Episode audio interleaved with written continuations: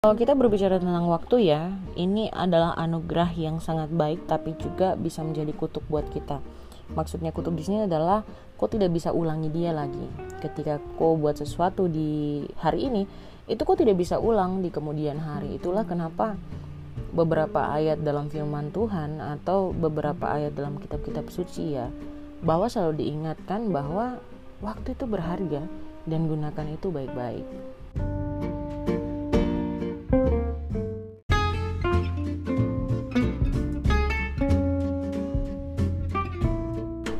Halo teman-teman, selamat datang kembali di podcast cerita seru bareng Jenny Karai. Kali ini Jenny Karai bakal ngebahas tentang susah ya untuk uh, bagi waktu. Atau gimana sih caranya untuk kita bagi waktu gitu? Karena aduh susah-susah gampang juga. Karena teman-teman tahu kan waktu ini salah satu anugerah berkat yang sebenarnya bisa jadi kutub juga ketika kamu tidak bisa manage. Bayangkan apa yang kamu lakukan sekarang itu nggak bisa kamu ulang esok loh karena esok itu pasti jamnya beda, tanggalnya beda, even kamu bikin di jam yang sama, itu tanggalnya tuh udah beda dan dia tuh akan terus maju ke depan. Dia nggak bakal ngulang ke belakang. Dan dulu saya ingat banget waktu saya zaman mahasiswa ya S1 di salah satu universitas swasta di Surabaya. Uh, saya jadi mahasiswa yang, wih sibuk banget. Tapi IPK saya tuh nggak pernah turun dari 3,7 yang paling rendah waktu itu berapa ya? 3,72 kayaknya.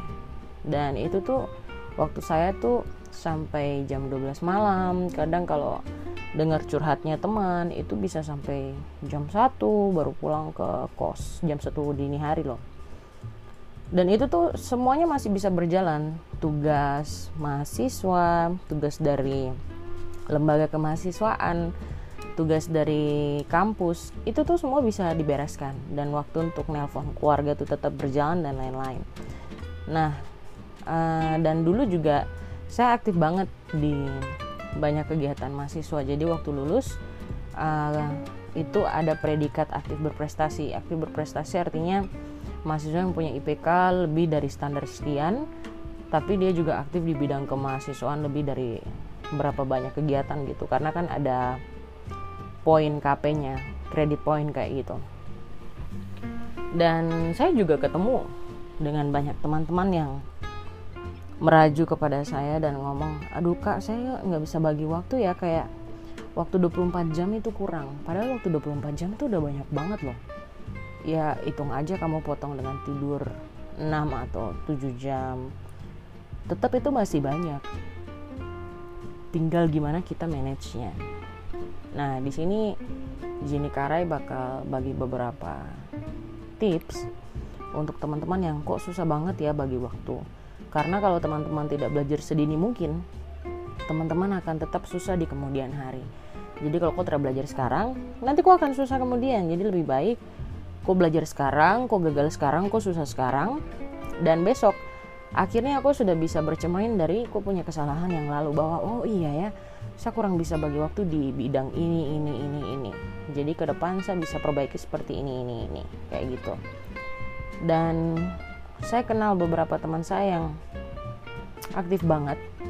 Dan mereka nyantai tetap semuanya berjalan seperti itu. Saya juga dulu ketika masuk dunia kerja ya pertama-tama fresh graduation masuk dunia kerja uh, jabatan pertama communication officer. Itu banyak sekali jadwal berangkatnya kiri kanan. Tapi masih tetap jalan komunikasi tetap jalan semuanya tetap jalan naik turun pesawat juga. Semuanya aman. Tidak ada yang terlewati. Orang ulang tahun orang-orang terdekat juga selalu ada dalam schedule. Nah itu itu contoh dari saya dulu. Tapi saya bukan contoh sempurna juga ya teman-teman. Karena saya juga kadang ada satu satu titik di mana saya jenuh atau saya lagi bad mood atau apa ya akhirnya itu digeserkan. Saya ganti semuanya dengan me time dan segala macam atau uh, tenangkan diri dan lain-lain.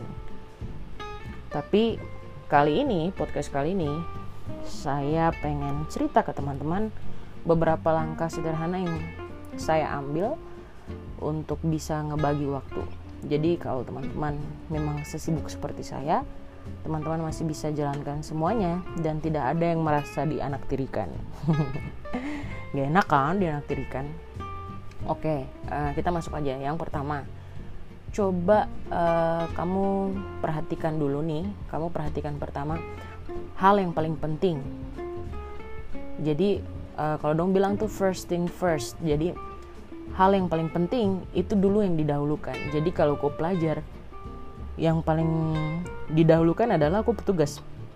Berarti kerjakan dulu kau punya tugas. Karena kan tidak mungkin tugas tuh langsung tiba-tiba kau baca pertanyaan langsung ada jawabannya. Kadang kalau apa uh, kalau PR-nya kimia atau fisika atau matematika pokoknya yang berhubungan dengan hitungan otomatis ya harus cakar-cakar dulu dan itu kan taking time itu butuh waktu juga kalau kok itu adalah seorang profesional muda otomatis akan ada jadwal-jadwal yang tidak bisa kamu geserkan seperti rapat janji untuk ketemu dengan pejabat atau orang-orang uh, stakeholder yang penting yang memang tidak bisa digeser karena kamu harus ngikutin jadwal mereka.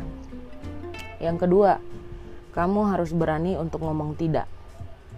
Saya ingat dulu saya juga belajar ini waktu di zaman kuliah ya, ketika saya katakan ya untuk semua program atau banyak uh, tawaran, nanti saya jadi susah untuk bagi waktu juga gitu. Yang satu rapat pleno, terus rapat plenonya tuh cuma beda 30 menit. Rapat pleno panitia A misalnya, itu jam 7 eh rapat pleno panitia B itu jam 7.30 akhirnya benar-benar tidak bisa apa ya tidak bisa seimbang dan tidak bisa efektif tidak bisa terserap dayamu tuh benar-benar terserap kayak gitu. Jadi belajarlah untuk mengatakan tidak. Kalau memang permu itu susah dan uh, butuh untuk banyak diskusi dengan teman-teman atau uh, mentormu yang seumuran ya otomatis kamu harus katakan tidak untuk main game dulu gitu. Jadi fokus ini selesai baru main game. Enak kan kalau kamu selesaikan sesuatu yang membebani pikiranmu baru kamu main game. Jadi waktu main game tuh benar-benar eh ini gimana ya tadi ya? Ini gimana? Sudah nggak ada pikiran kayak gitu. Kayak dan juga untuk teman-teman yang udah profesional gitu mengatakan tidak ini kepada banyak tawaran. Jadi kalau pas dapat event misalnya macam misalnya fotografer ya itu kan pasti ada banyak acara tuh. Nah dan banyak acara itu pasti ada beberapa hal yang bentrok bentrok bentrok atau jedanya cuma dua jam atau 30 menit. Itu harus bijak-bijaknya benar-benar bijaksana untuk untuk diatur. Karena kalau tidak kamu jadi tidak maksimal nanti dalam karyamu atau anglemu untuk ngambil foto. Ada orang-orang yang saya kenal yang susah untuk mengatakan tidak dan pada akhirnya mereka menelantarkan hal-hal yang lain dalam kehidupan mereka macam misalnya ada teman mereka yang udah janjian ketemu jam 7 eh ternyata dia lupa kalau ada janjian sama temannya jam 7 karena masih dalam acara ini dan itu. Itu tuh nggak baik loh. Maksudnya kalau teman-teman pas dengar podcast ini dan melihat bahwa oh iya ternyata saya juga gini ya ini uh, belum terlambat sih untuk teman-teman belajar dan memperbaiki diri. Karena nggak seru banget juga kalau misalnya kamu making appointment sama orang terus kamu lupa itu nunjukin kamu nggak profesional banget kalau kita ngomong dunia profesional ya dan juga itu kamu bikin masalah aja sama orang lain kalau orangnya sabar sih nggak apa-apa bilang oh iya ya udah Nah, kalau lu ketemunya udah di tempat yang jauh, orangnya udah datang di sana, terus lu nya tiba-tiba bilang lupa, hmm, perang dunia cuy. Yang ketiga, ini tidak boleh dilupa. Tidur minimal 7-8 jam sehari. Tidur ini penting sekali teman-teman. Saya beberapa hari ini karena mungkin karena ngefek dari tesis dan kepikiran dan lain-lain jadi tidurnya rodo-rodo tidak teratur tapi tetap saya pakai kuota ini 7 sampai 8 jam. Kalau teman-teman tidak sesibuk saya, saya sarankan kita semua untuk tidur 7 sampai 8 jam sehari karena ketika teman-teman tidak tidur dengan baik ya, itu teman-teman jadi uring-uringan. Dong bilang uring-uringan tuh ini apa maksudnya? Uh, kok jadi orang yang temperamen sekali?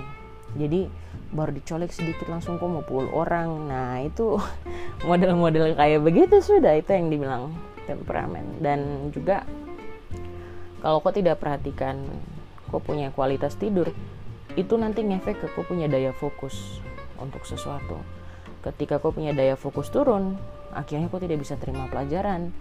Kau tidak bisa fokus untuk meeting di kantor. Kau tidak bisa fokus ketika ketemu dengan kau punya stakeholder atau uh, pejabat-pejabat uh, atau orang-orang di mana kau sedang bangun kau punya bisnis.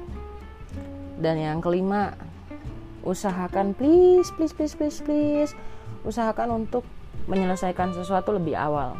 Ini nih lawan dari yang kapal tunda-tunda kalau kau kapal tunda-tunda cobalah untuk uh, stick dengan kau punya schedule tetap sesuaikan dengan kau punya schedule agar kau menyelesaikannya lebih awal.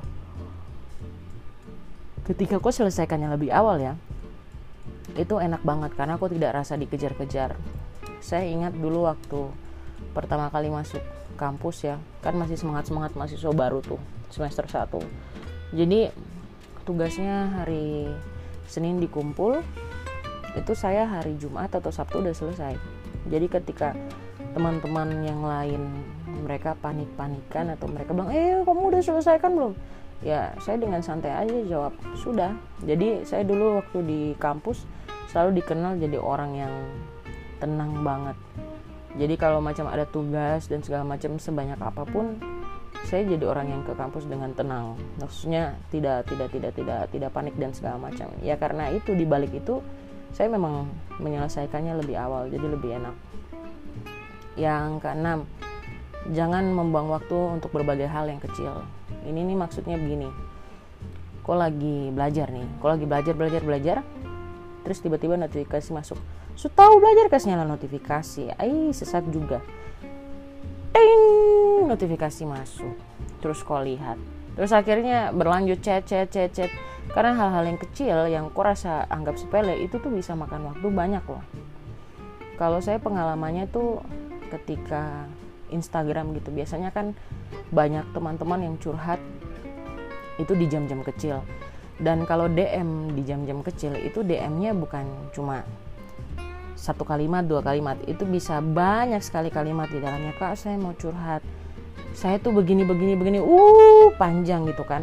Nah itu kalau saya nggak bagi waktu atau saya tidak bisa manage waktu saya akhirnya saya jadi orang yang cuma stuck in the phone gitu. Cuma ngelihat dan membalas. Dan saya lupa kalau ada hal-hal yang lain yang harus dikerjakan karena kan hidup ini bukan cuma tentang ketong pegang sosmed on karena hidup ini yang penting itu bukan di sosmed saja tapi di kehidupan nyata. Terus yang terakhir teman-teman harus jeli atur waktu. Kalau sudah tahu bahwa kau punya waktu 24 jam dipotong 7 jam berarti sisanya kau harus atur turut dengan kau punya uh, kegiatan yang ada sepanjang hari. Kalau tidak uh, itu juga akan menyusahkan kok. Apalagi kalau dia punya lokasi kegiatan itu berjauhan. Even kamu punya kendaraan sekalipun ya. Coba bayangkan macetnya seperti apa. Dan kamu tuh nggak selamanya muda. Kalau wis ini sok-sok kayak orang tua. Tapi ya emang benar itu juga yang saya rasakan. Kamu tidak akan selamanya muda. Dan yang namanya macet itu nggak bisa kamu kontrol. Apalagi tahu jalan di Jayapura tempuh jalan yang alternatif cuma sedikit saja tidak sampai kayak macam di Pulau Jawa sini. Banyak gang jadi masih bisa baku potong baku potong baku potong tiba. Tapi kalau di Jayapura dia punya jalan sudah kecil. Dan kalau pas ada kecelakaan atau kontainer uh, tiba-tiba muatannya penuh dan jatuh itu tuh akan akan akan ngebuat waktu yang kamu planning itu jadi undur gitu. Makanya ini semuanya harus uh, diantisipasi. Apalagi buat teman-teman yang sudah masuk umur 28 ke atas biasanya lebih lebih apa ya lebih lebih berorientasi kepada pekerjaan. Jadi benar-benar uh, menghabiskan waktunya di kantor dan benar-benar untuk uh, fokus untuk karir. Dan itu juga harus diperhatikan gitu karena kalau tidak jeli mengatur waktu kalau misalnya ke depan sudah menikah kasihan pasanganmu. Atau kalau kamu udah pacaran ya kasihan pasanganmu loh makan hati terus tahan diri terus. Padahal kan orang-orang yang di sekelilingmu juga kan butuh perhatianmu. Butuh dirimu butuh kehadiranmu. Kayak gitu. Dan kalau teman-teman yang masih pelajar bersyukurlah. Apalagi yang masih masih jomblo bersyukur. Kamu punya banyak waktu untuk ngeksplor apa yang kamu mau.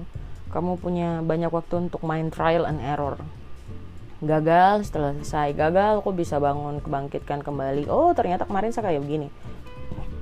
Itu bagus banget. Jadi ya demikian beberapa hal yang bisa Jenny Karai bagikan tentang ngatur waktu. Uh, Jenny Karai berharap banget ini bisa membantu teman-teman. Karena langkah-langkah ini juga adalah langkah-langkah yang saya pakai. Jadi uh, oh ya yang paling terakhir masalahnya kok lupa kayak model saya. Saya juga orangnya kadang lupa lupa.